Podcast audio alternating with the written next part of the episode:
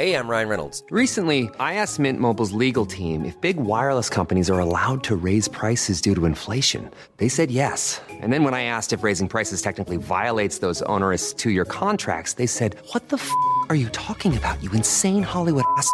F- So to recap, we're cutting the price of Mint Unlimited from $30 a month to just $15 a month. Give it a try at mintmobile.com slash switch. $45 upfront for three months plus taxes and fees. Promo rate for new customers for limited time. Unlimited more than 40 gigabytes per month. Slows. Full terms at mintmobile.com.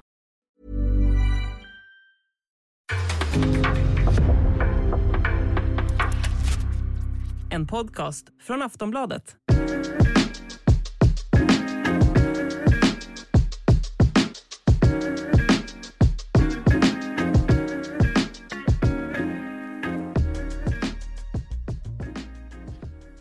Allsvenska podden är tillbaka. Den här veckan är det som vanligt hektiskt pro- program. Vi har med oss Johan Larsson bland annat och ska snacka ner kaosderbyt eh, mellan Elfsborg och IFK Göteborg. Vi ska snacka väldigt mycket grann om domslut och domare, men först så ska vi gå igenom vad vi får säga är, eller var eh, den här omgångens stora skräll. Degerfors Linn Nordström som också är med i den här podden eh, körde över Djurgården med 3-0 eh, och nej, jag såg inte det här komma. Vi har ju liksom spekulerat i när ska Djurgården gå på sin plump? När ska de få liksom betala för de här hektiska schemat och kanske fick de det nu då. 3-0 var ju, ja visst man kan säga att Djurgården gjorde eh, det dåligt men man får ändå hylla Degerfors. Vad, vad säger vi om den matchen? Ja, framförallt att man eh, inför uppehållet eh, var så inställd på att ja, men Djurgården kommer ja, men krackelera eftersom att de både presterar i Europa och i, i allsvenskan och sen var det som att den pulsen då har gått ner här under landslagsuppehållet och att de, de såg ju sega ut. Alltså den euforin som de levde på innan uppehållet, det var ju helt borta. Mm. Ja, eh, och eh, ja, man såg inte det här komma riktigt och eh, om man lyssnar på både Magnus Eriksson efteråt och Thomas Lagerlöf och Kim Bergström så menar på att det var ingenting som stämde. Det var en sån dag där ingenting stämde utan de slog, kunde snabbt slå en passning. Eh, de blev lite paralyserade när Degerfors gjorde 1 och, och 2-0 eh, och sen hade de liksom ingen medicin. Men de försökte ju göra någonting i paus i alla fall eh, där de gjorde ett trippelbyte. Eh, men Men var det då, tycker du att det var lite för panikartat? Att göra det när, när det inte står mer än 1-0? Nej, precis. Ja, men samtidigt så såg det ju faktiskt helt eh, Eh, ja men det var ju något som var fel med Djurgården och jag tror att Thomas Lagerlöf och Kim Bergstrand ville ju vaska liv i det här laget och, och med att göra ett trippelbyte.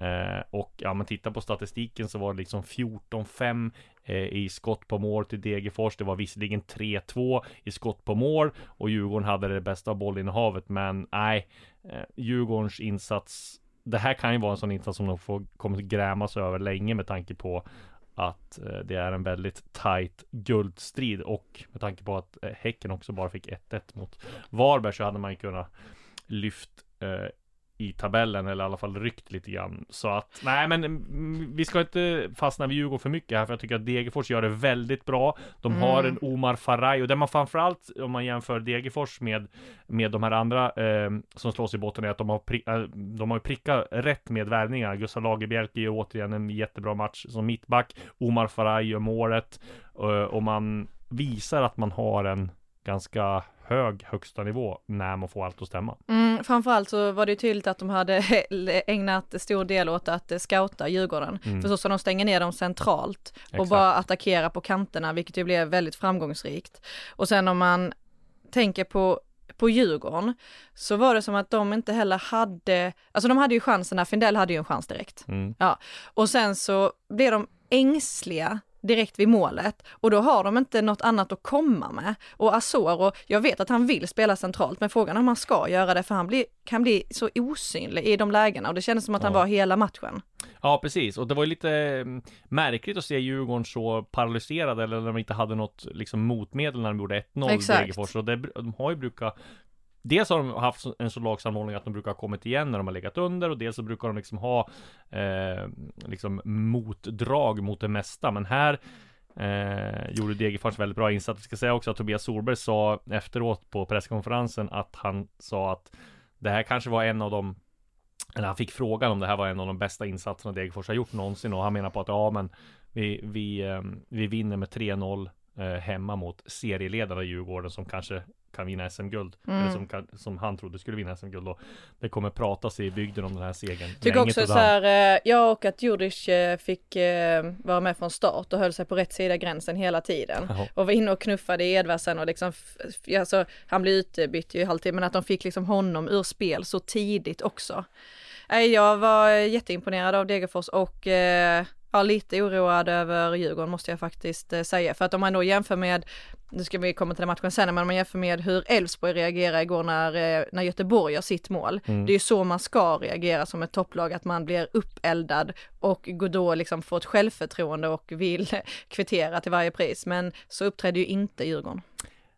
Nikola Djuric var ju inte sen heller att håna eh, Djurgården efter matchen. Han sa var någonstans var Djurgården mellan 17.30 och 19.30. Så att ja, det kändes som att eh, hans eh, bästa insats var den efter, efter matchen. Nej då, men han eh, tog inte, han tog chansen och eh, håna Djurgården, vilket den förre Hammarbyaren har tagit till vana på att göra när de möter, ja när han vinner. Ja, mot AIK så hånade han ju också, men och att Degerfors har sju raka segrar på hemmaplan. Mm. Det är starkt. Mycket starkt och kan bli, visa sig avgörande i botten där. Det kommer fortsatt bli en kamp med eh, Helsingborg eh, om att undvika den sista nedflyttningsplatsen. Sen och där jag- är det ju ruskigt jämnt nu får man säga. Kim sa ju med mm, inför den andra halvleken att det är väldigt, väldigt viktigt att vi får in ett mål snabbt och eh, det fick de ju fast det var ju i fel mål. Precis. Och inte, Max Danielsson kanske är den spelaren i Allsvenskan har ju själv pratat om sitt självförtroende och det som han jobbar med sen Kina och det han har varit med om. Så att Ja, det var kanske den spelaren i Allsvenskan som minst behövde ett sånt eh, grovt självmål. ja, precis. Eh, fyra poäng skiljer ner till Helsingborg nu för Degerfors som har gjort ett miniryck eh, får man säga. Fyra poäng. Det är sex omgångar kvar att spela. Eh, Helsingborg möter AIK nästa, eh, så de har lite grann att fundera på. Det jag slås av det var ju att Helsingborg tyckte jag också värvade rätt bra här i sommar och de har ju fått eh, Fått utdelning i eh, en del spelare. Abbe Khalili har kommit in, Falsetas eh, har, har liksom gjort det bra. Eh, Mushin kommit in där. Eh, Kabashi har, har också gjort det bra. Så att det finns en del. Eh, men där har man ju kanske istället då sett till tränarna. Man sparkade Jörgen Lennartsson, tog in Mattias Lindström, Alvaro Santos. Kanske att de kanske var lite för oerfarna och just att kasta sig in i det här. Det är ju Har väl haft, alltså det här är ju kanske säsong, en av säsongens svåraste bortamatcher. Ja. Speciellt när, med det självförtroendet som, som Kalmar besitter. Mm. Och sen var det innan uppehållet var det ett, ett Skånederby då va? Mm. Och där stod de också upp bra. Så att eh, det har varit eh, ja, tuffa matcher men som du säger, de har värvat bra och eh, Ja, de borde kanske få ut lite Ja. mer tycker jag än vad de har fått. mm, mm, ja, jag håller med. Eh, om man jämför med Degerfors till exempel så eh, man ser trupp för spelare för spelare, trupp för trupp så tycker jag nästan att Helsingborg har kanske lite bättre material ändå. Mm, ska Eh. inte skydda Helsingborg men, eh, men eh, Kalmar gick ju om. De är uppe på en sjätteplats nu va, i tabellen. Eh, precis ja, Kalmar, om vi går och hoppar dit då så vann de ju eh, precis över eh, Helsingborg och de är just nu femma i Allsvenskan. Rydström fortsätter sin succé, 41 poäng, samma poäng som Malmö och har bara två poäng upp till trean Hammarby nu så att eh, Ja, alltså tredjeplatsen är ju klart inom räckhåll och det hade ju varit Ja, då får man nästan sätta 5 plus på Kalmars säsong om de kommer trea. Det är nästan som man vill göra nu eh, om de skulle komma topp 5 också. Men trea är ju exceptionellt bra. Ja. Så att eh, ja, jag tror att Rydström är väldigt nöjd. Och framförallt så tror jag väl att Simon Skrabb, där har man ju fattat det var, eller vetat att det är ett sparkapital han har haft. Han skulle, han hade ju en korsbandsskada, kom in, gjorde det ganska bra, nu gjorde han två mål. Och eh, ja, han kan nog bli ännu bättre tror jag. Eh, när, ja, när det går mot, när det drar ihop sig till eh, avgörande här. Men vad har de i nästa? De har Elfsborg i nästa ja. Mm. Borta, den blir tuff. Mm. Men det, det ska bli kul att, att eh, Ja, det blir- Kalmar får möta något eh, riktigt bra motstånd. Ja, och framförallt att de har hoppat in i den här toppstriden igen får man säga. Mm. Ja, lite överraskande. Spännande, kittlande. Ja, verkligen. Eh, ett annat lag som är på väg att hoppa ur, eh, vad heter det, guldstriden och toppstriden, det är AIK. Bara ett 1-1 borta mot Sirius och nu är det återigen en sån här match som man ska vinna där man inte lyckas vinna. Vi hade Degerfors hemma senast, vi hade Varberg borta där de gör en platt match och på de här tre matcherna har de bara tagit två poäng. till såklart eh, inte alls godkänt. Eh, och nu har man Helsingborg hemma, där måste man nästan vinna för att det ska vara nöjd. Och nej, det är Visserligen är mot Sirius och AIK en bättre insats än vad man har sett tidigare. De får ju till den här slutforceringen som man inte har sett Men alldeles tidigare. för sent. Ja, precis. Alldeles för sent. Men ma- man jämför med liksom Degerfors och eh, och um, Varberg-matchen så tycker jag ett, ett steg framåt. Men eh, det är ju inte tillräckligt bra. Och det är häpnadsväckande att de inte får ut mer framåt med tanke på eh, att de har Nabil Bahoui, Nicolas Stefanella och John Guidetti och visserligen John Guidetti med, med skador och sådär. Men han, han startar ju ändå matchen så att eh, Nej, det var ruggigt irriterat i AIK, både på, från supporterhåll och från spelarhåll efter matchen då. Och eh, ja, det var lite hetsigt där när eh, Men hur kan, det, hur kan man ha så mycket bra offensiv kraft? Ja. Och de har ändå spelat tillsammans också, många av Ja. dem. Och ändå ser det ut som att de träffades igår. Ja, precis. Det är eh, märkligt och där får man ju kanske ifrågasätta det här tränarbytet igen. Henrik Goitom är väldigt populär bland supportrarna. Men kanske har det varit ett, st- ett för stort steg att ta en P19-tränare och tro på honom. Kanske man gjorde ett ganska stort fel där när man sparkade Bartos och sen hade man ingen tränare klar. Alltså den här tränarprocessen drar ut på tiden. Det verkar vara väldigt stökigt i AIK, i, liksom i ledningen i, och så där också vad som händer där. Och det är väl anledningen till att man inte har någon tränare klar än. Så att eh, nej, det känns inte som det är riktigt harmoni i, i AIK just nu. Och eh, ja, Goitom, en bra tränare säkert på sikt kommer bli det, men det var nog kanske lite för stora skor, tror jag. Det är lätt att säga nu när man, när, nu, när nu har det gått lite tungt så här, men att man inte får ut mer, för jag menar, tänk dig eh, Varberg, Degerfors och Sirius. Hade AIK eh, tagit tre poäng där, då hade man ledat allsvenskan, eller var det med i en guldstrid. Det tror jag grämer väldigt många, både supportrar och spelare, att man inte har lyckats få till det bättre. Och så, ja. eh, Men tror du att Goitom, eh, att han, tror du att han kan liksom ryta till i omklädningsrummet?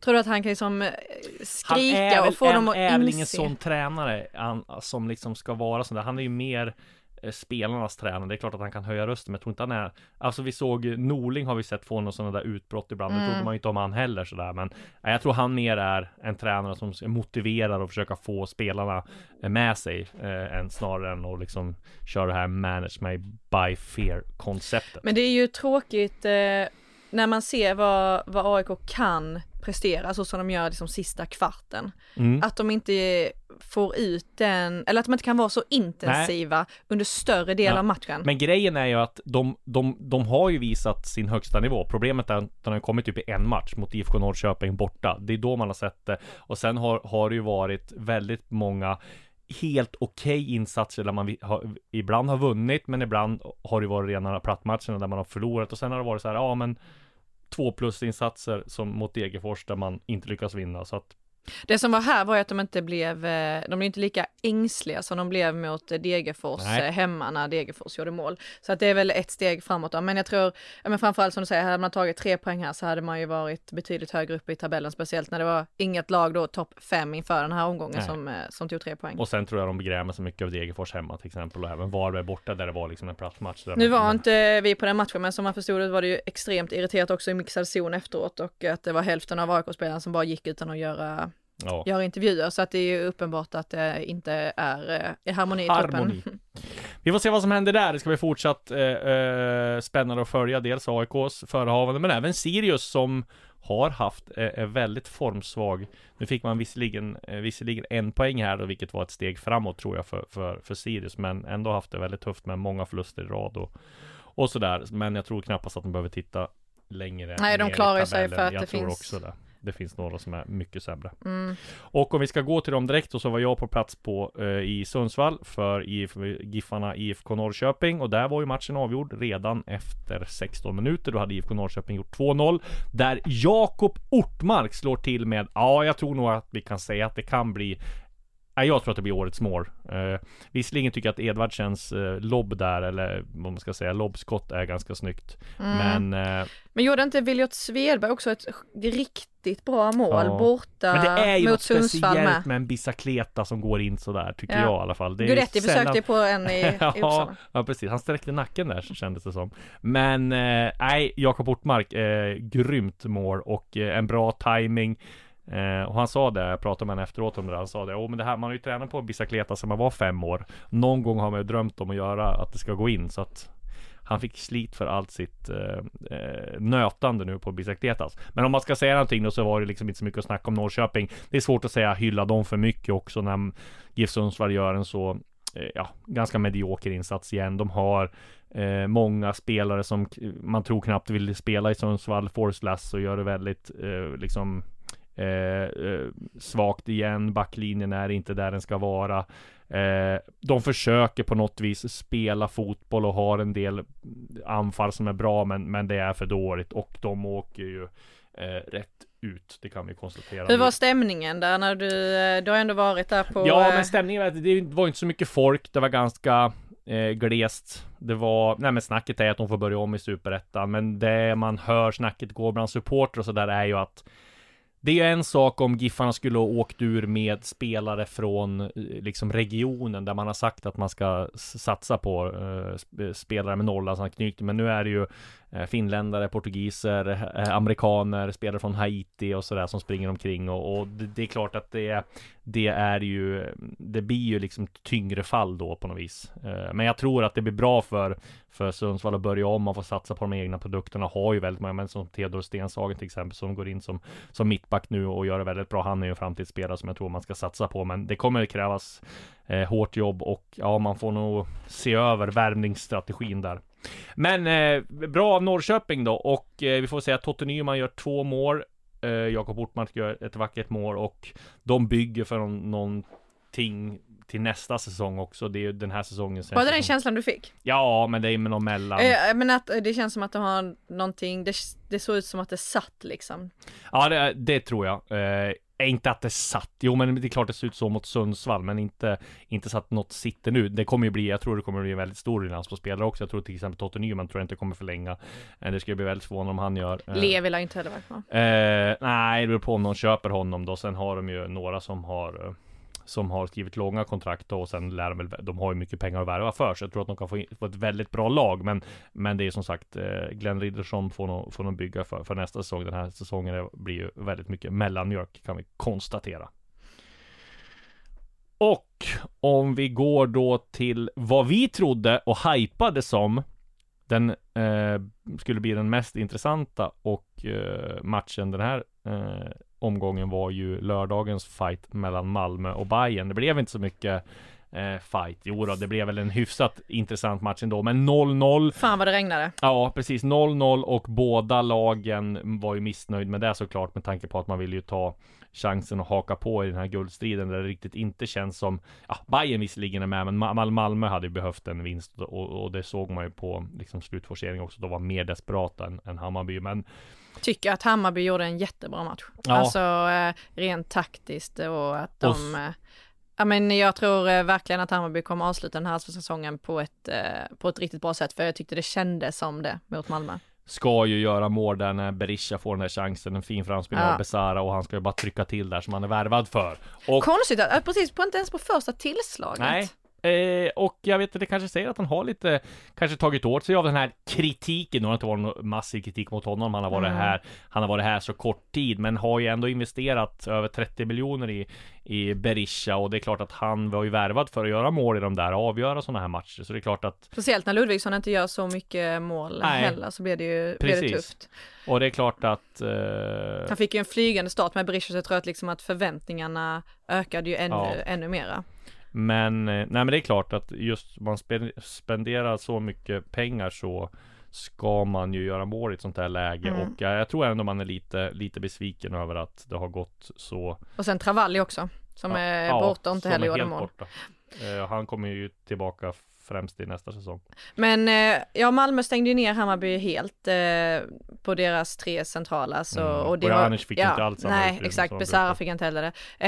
Eh, och det har man ju sett innan så jag tycker inte det, jag tycker inte att Malmö ska hyllas jättemycket för det. Men eh, jag gillar att, att Hammarby ändå sökte lösningar och, och liksom byggde upp då istället med, med en eh, trebacks eh, försvarslinje. Mm. Eh, och att Jas får liksom vandra på sin kant, det tycker jag är liksom en sån fin styrka i Hammarby. Mm. Och det såg man ju med i Malmö. De tog in Beimer och eh, tryckte upp eh, Ceesay också. Så att eh, det var ju två lag som eh, ändå laborerade och eh, även ifall det blir 0-0 så tycker jag att det var en rolig match att kolla på. Ja, det, det får vi ändå säga. Men eh, det var nog... Eh, 0-0 i kuppen med.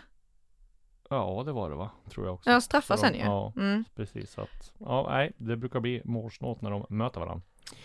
Eh, en match som det inte var målsnålt i och där Marcus Antonsson fortsätter leverera. Det var ju när Värnamo slog Mjällby med 2-1. Eh, det får vi säga att Antonsson nu jagar och är hack i häl Alexander Jeremejeff Han kommer gå.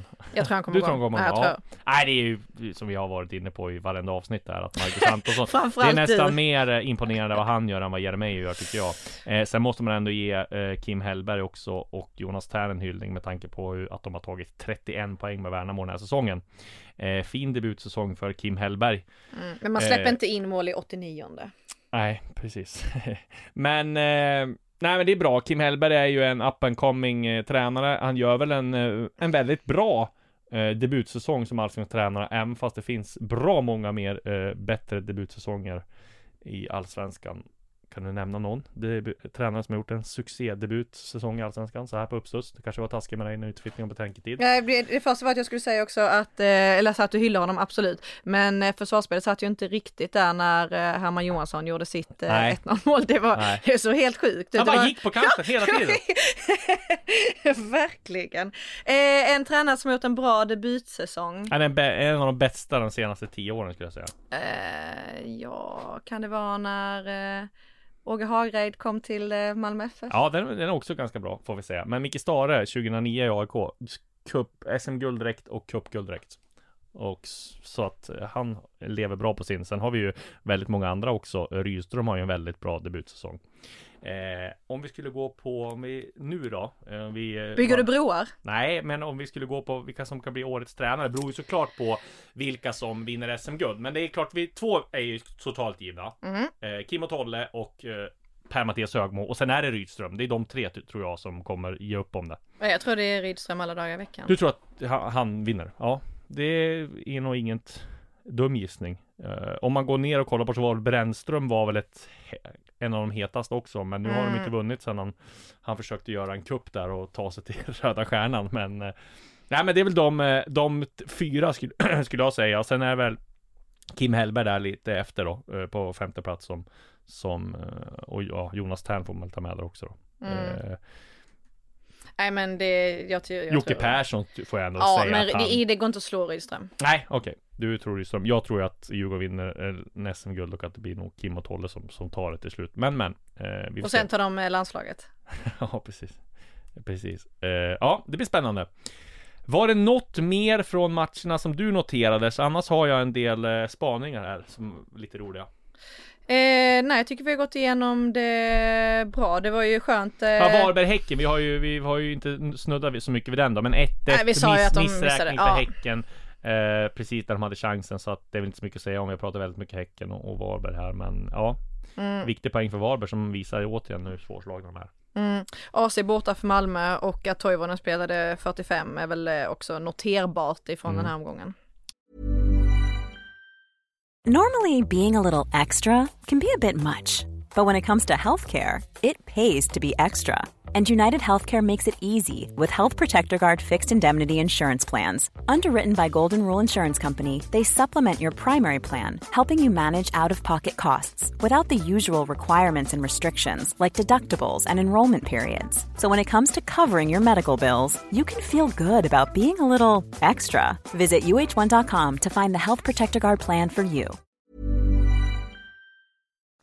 Bra. Mina spaningar då, eh, som vi ska gå på nu, det var först att, ja men jag fick ju chansen att se Glenn Riddersholm i action där. Man sitter ju rätt bra på pre pressläktaren och han är ju väldigt aggressiv och intensiv, fast han är ganska skön också. Det är ingen sån här som bara är förbannad. Men han skällde ut, det sitter ju publikvärdar eh, eh, från GIF Sundsvall i sån här eh, eh Typ som ett avbytarbås bredvid båset där vid spelargången och jag vet inte om det var någon som hade någon synpunkt på att han var ute vid linjen där Men det var någon som sa något tror jag så han blev förbannad och skällde ut dem efter noter.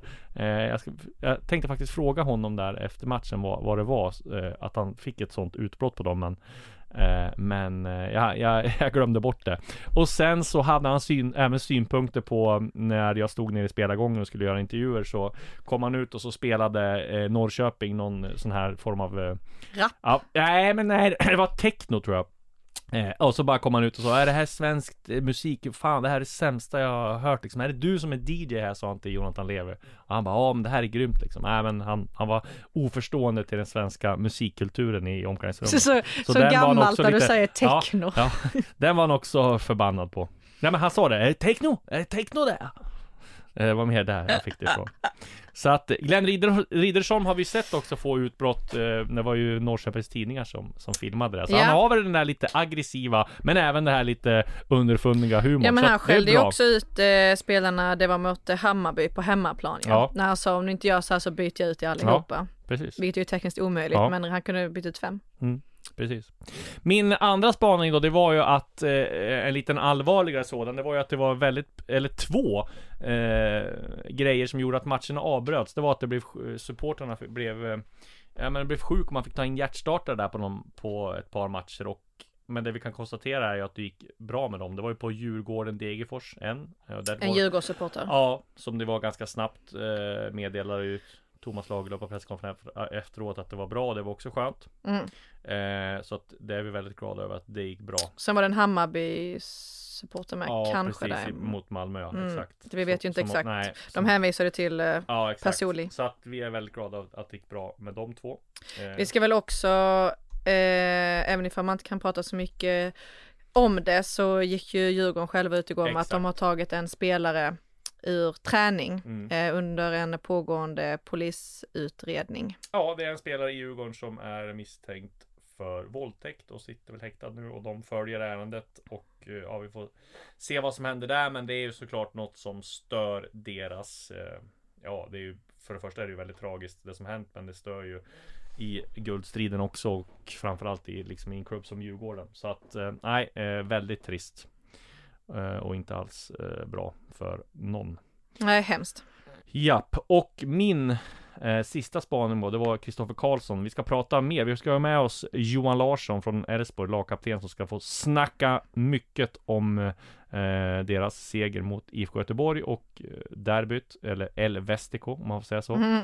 Eh, Innan vi går in, eh, innan vi går in på honom, vad tyckte du om matchen? Nej, grym match. Alltså eh, intensitet, fart eh, och sen så var det lite så här eh, grisigt också som, som man gillar som, som neutral åskådare. Så att, är mycket underhållande match. Mm, håller verkligen med. Mm.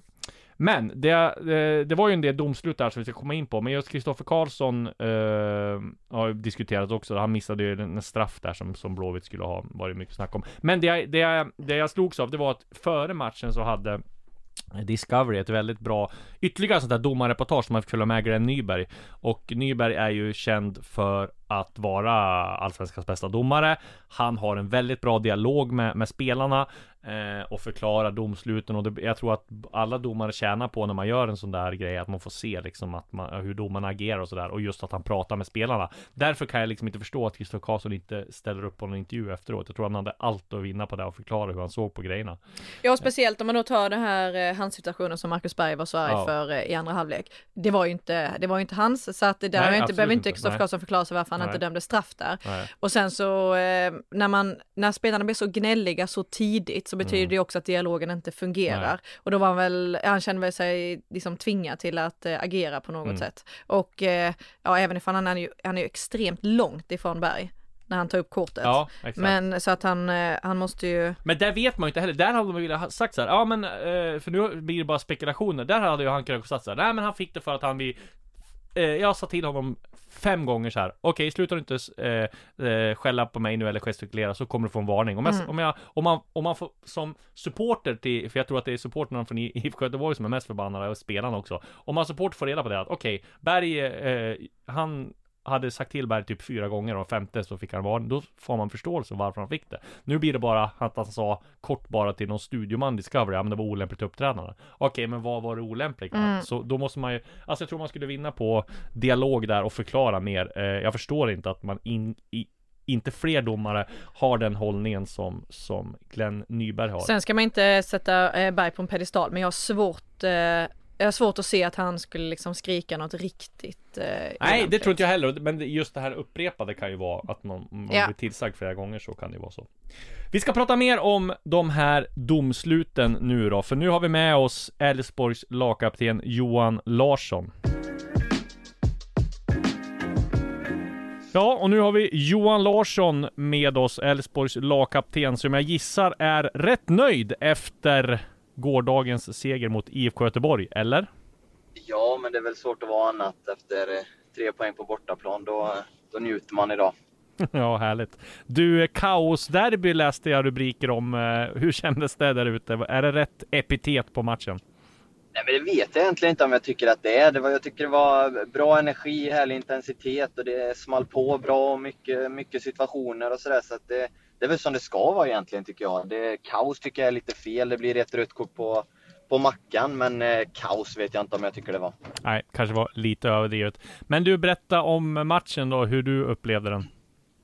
Nej men eh, IFK kommer ut, eh, kommer ut starkt i första halvlek och eh, gör väl ganska välförtjänt 1-0. Eh, de får bra tryck på oss och vi, vi kommer inte riktigt ur deras press i, eh, i starten där men eh, tuggar oss in i matchen och, och lyckas eh, vända på dem lite och kunna, kunna anfalla därifrån på våra sidor. Så att eh, efter det tycker jag att vi, vi är det bättre laget egentligen. Eh, ja, inte, inte supermycket bättre men jag tycker ändå att vi det är fördel oss liksom. Så att eh, en, en härlig match och eh, kul att få, kul att få vinna på bortaplan också. Mm.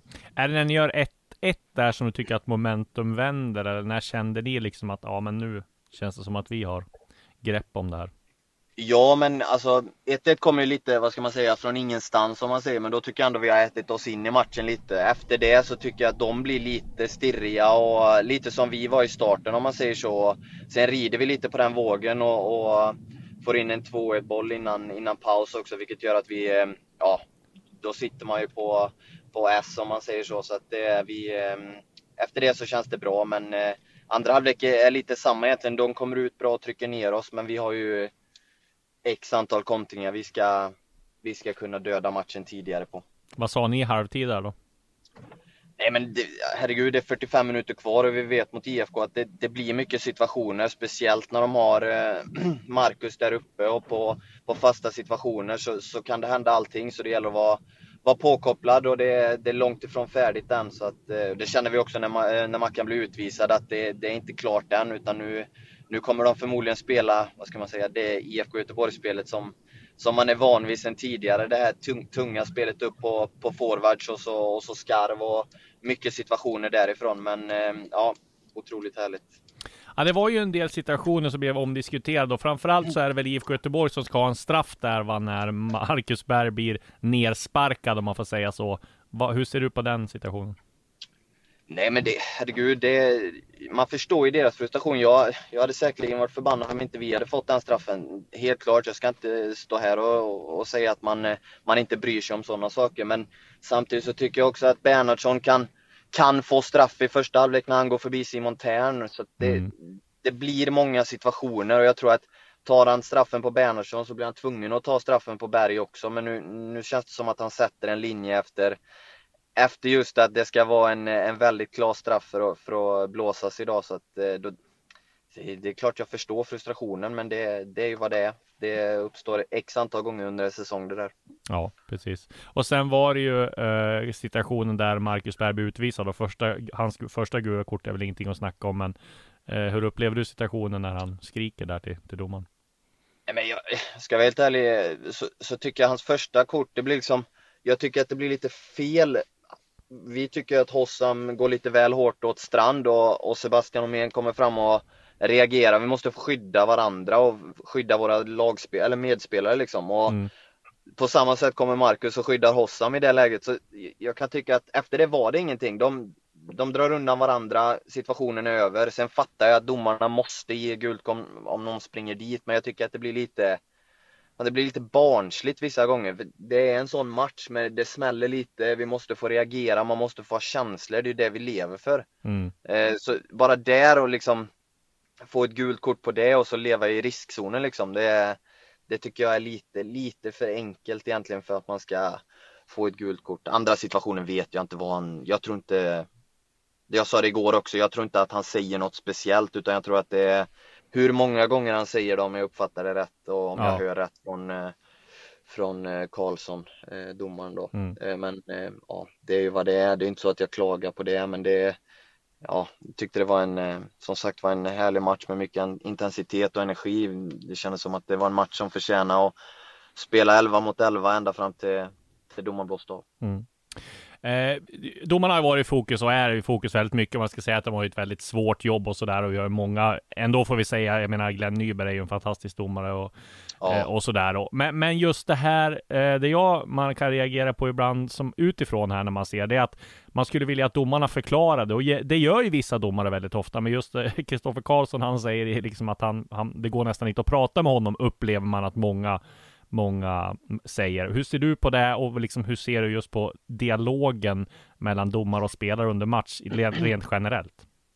Nej, men jag vet ju själv. Jag, jag är också på gränsen vissa gånger. Man är ju uppe i, vad ska man säga, den så kallade röda zonen många gånger när man tycker att man ska ha med sig domslut och jag tycker Glenn är ett föredöme. Jag tycker att han alltid, oavsett om han, han tycker att man går över gränsen, det är inte så att han börjar kasta upp ett gult kort bara för att man är liksom lite, lite över gränsen, utan då är han han är hård och rak och tydlig och visar att det, det är ingenting. Då hade jag tagit den. Det, det är slutdiskuterat. Jag dömer, jag bedömer det så här.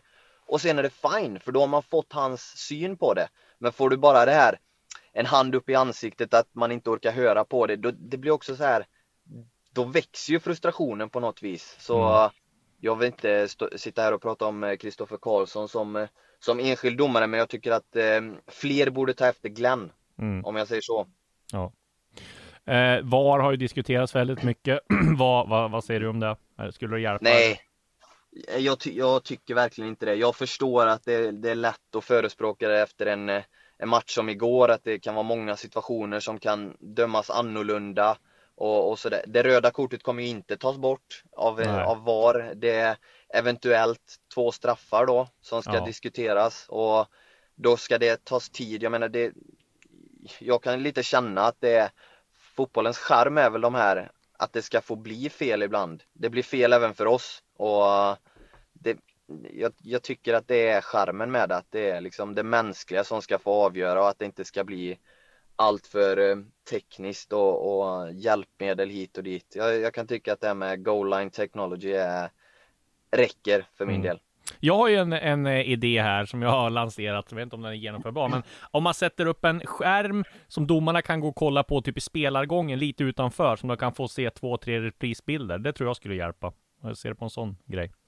Ja, det, det skulle vara det i så fall, men jag, jag kan tycka att just vad ska man säga, skillnaden me- mellan VAR och din idé där, det, det är ju att det tar för lång tid och det Ja. tar död på matchen. Det är samma när du vet Premier League när man sitter och kollar på det, solklar offside och så hänger någon en kasse och så, så väntar man i fem minuter. Ska, ska man jubla? Ska man inte jubla? Är det offside eller inte offside? Nej, precis. det blir ju fel det också. Ja. Det har vi ju sett. Och då blir det, då blir det ju, det blir ju liksom löjligt. Ska Mm. vi ha den här hjälpen så ska det vara hundraprocentigt. Ja. Inte ens då blir det det. Nej. Nej, eh, VAR kommer vi nog att diskutera och domslut kommer vi nog att diskutera eh, fler gånger här. Om vi går Jag tillbaka till... ja, precis. Om vi går tillbaka till Elfsborg då, eran säsong. Det känns som det har varit väldigt mycket upp och ner. Eh, besvikelse där i, i kanske i, i början och i mitten av säsongen när ni inte kom upp till normal nivå. Det höjdes röster på att Jimmy Thulin kanske skulle få sparken och sådär. Nu har ni ändå fyra segrar i rad. Ja, ni kan väl eh, teoretiskt nå en, en ganska bra placering ändå. Hur, hur ser du på säsongen som ni har haft och det som väntar framöver?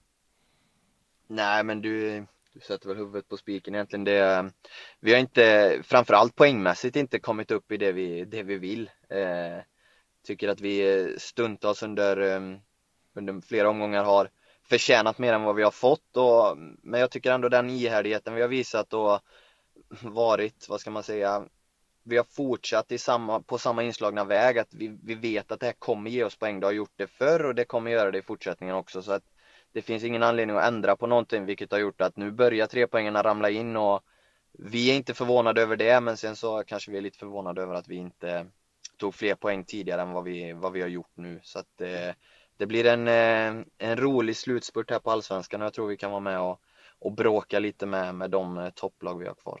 Vad grämer dig eller er mest då tror du? Vilken match eller någon sån där insats eller någon period sådär som ni ser? För jag menar, det är inte så många poäng. Två segrar till så hade ni liksom varit med på allvar. Ja precis, nej men det, det är ju sommarperioden när vi hade chans. Vi hade bara lag som var över oss i tabellen och vi lyckades inte vinna någon av dem. Ehm, det är klart att då, då är det svårt att haka på topplagen om man säger så. Ehm, det, det, är väl den perioden och även ute i Europa där som, som gjorde att vi hamnade lite i en ond spiral, att vi, vi hade oerhört tufft att vinna matcher och det var, det var rätt så enkelt att göra mål på Elfsborg under den perioden. Så att det, är väl, det är väl sommarperioden som kändes eh, lite tyngre, men nu har vi eh, gnetat oss ur den. Om vi blickar framåt då, hur känns det ändå som ni har rätt bra grund att bygga på till nästa säsong? Vad är, vad är dina tankar om det? Ja, men verkligen. Vi har fått in eh, både Sebastian Omén och Niklas Hult här under sommaren och även eh, några andra kvaliteter som, som gör att vi kan bygga på det till nästa år och eh, som du säger fått in en, en, stabil grund som, som gör att vi kan bygga vidare på det som vi faktiskt började med för två år sedan om man säger som har gett oss otroligt mycket framgång. Nu ska det bara sitta över en hel säsong också och inte i, eh, i perioder. Nej. Vad, vad, om du tittar på guldstriden och vad, vem ser starkast ut där och vad tror du om den? Nu känns det som den senaste omgången känns det som ingen har velat ta initiativet om man ser på resultaten här senast. Nej precis, ja, fast jag har sagt Häcken länge. Jag tycker att de är eh, De gör otroligt mycket mål och, och skapar chanser från eh, ingenstans egentligen. Det är bara Kan de hålla ihop det? De, de har inte varit i den här situationen extremt många gånger om man säger. Det är, det är många spelare i Djurgården som har varit med och vunnit tidigare och, och provat på det och varit med i de här guldstiderna. Jag vet inte om det kan, kan betyda lite extra just när det börjar blåsa lite här på, på slutet. Men eh, jag, jag tror att Häcken kan vara med och bråka in i det sista. Men det är de två det står mellan tror jag, Djurgården och Häcken. Mm. Till sist då, ni har Kalmar eh, i nästa match på mm. söndag. Jag eh, ser på en sån match möta Kalmar på hemma på konstgräset på Borås Arena. Eh, tufft, jäkligt tufft. Eh, Rydström har byggt upp något eh, otroligt imponerande i, eh, i Kalmar där så att det, det blir alltid tuffa matcher mot dem. De är eh, otroligt bollskickliga och eh, eh ja, gillar att, att, stå på kulan helt enkelt så att det, det blir försvara bra och så förhoppningsvis vara otroligt effektiva i kontringar och sen så använda våra fyra offensiva spelare där som vi har gjort det sista nu. Ja, grymt. Det kommer bli en rolig avslutning här på Allsvenska. Det kan vi i alla fall konstatera och vi tackar Johan Larsson för att vara med i Allsvenska podden. Tack ska du ha. Tack. Och eh, Johan Larsson får bli det sista vi gör den här veckan i podden. Vi är tillbaka nästa vecka med ett minst lika intressant avsnitt. På återhörande. Tack för idag.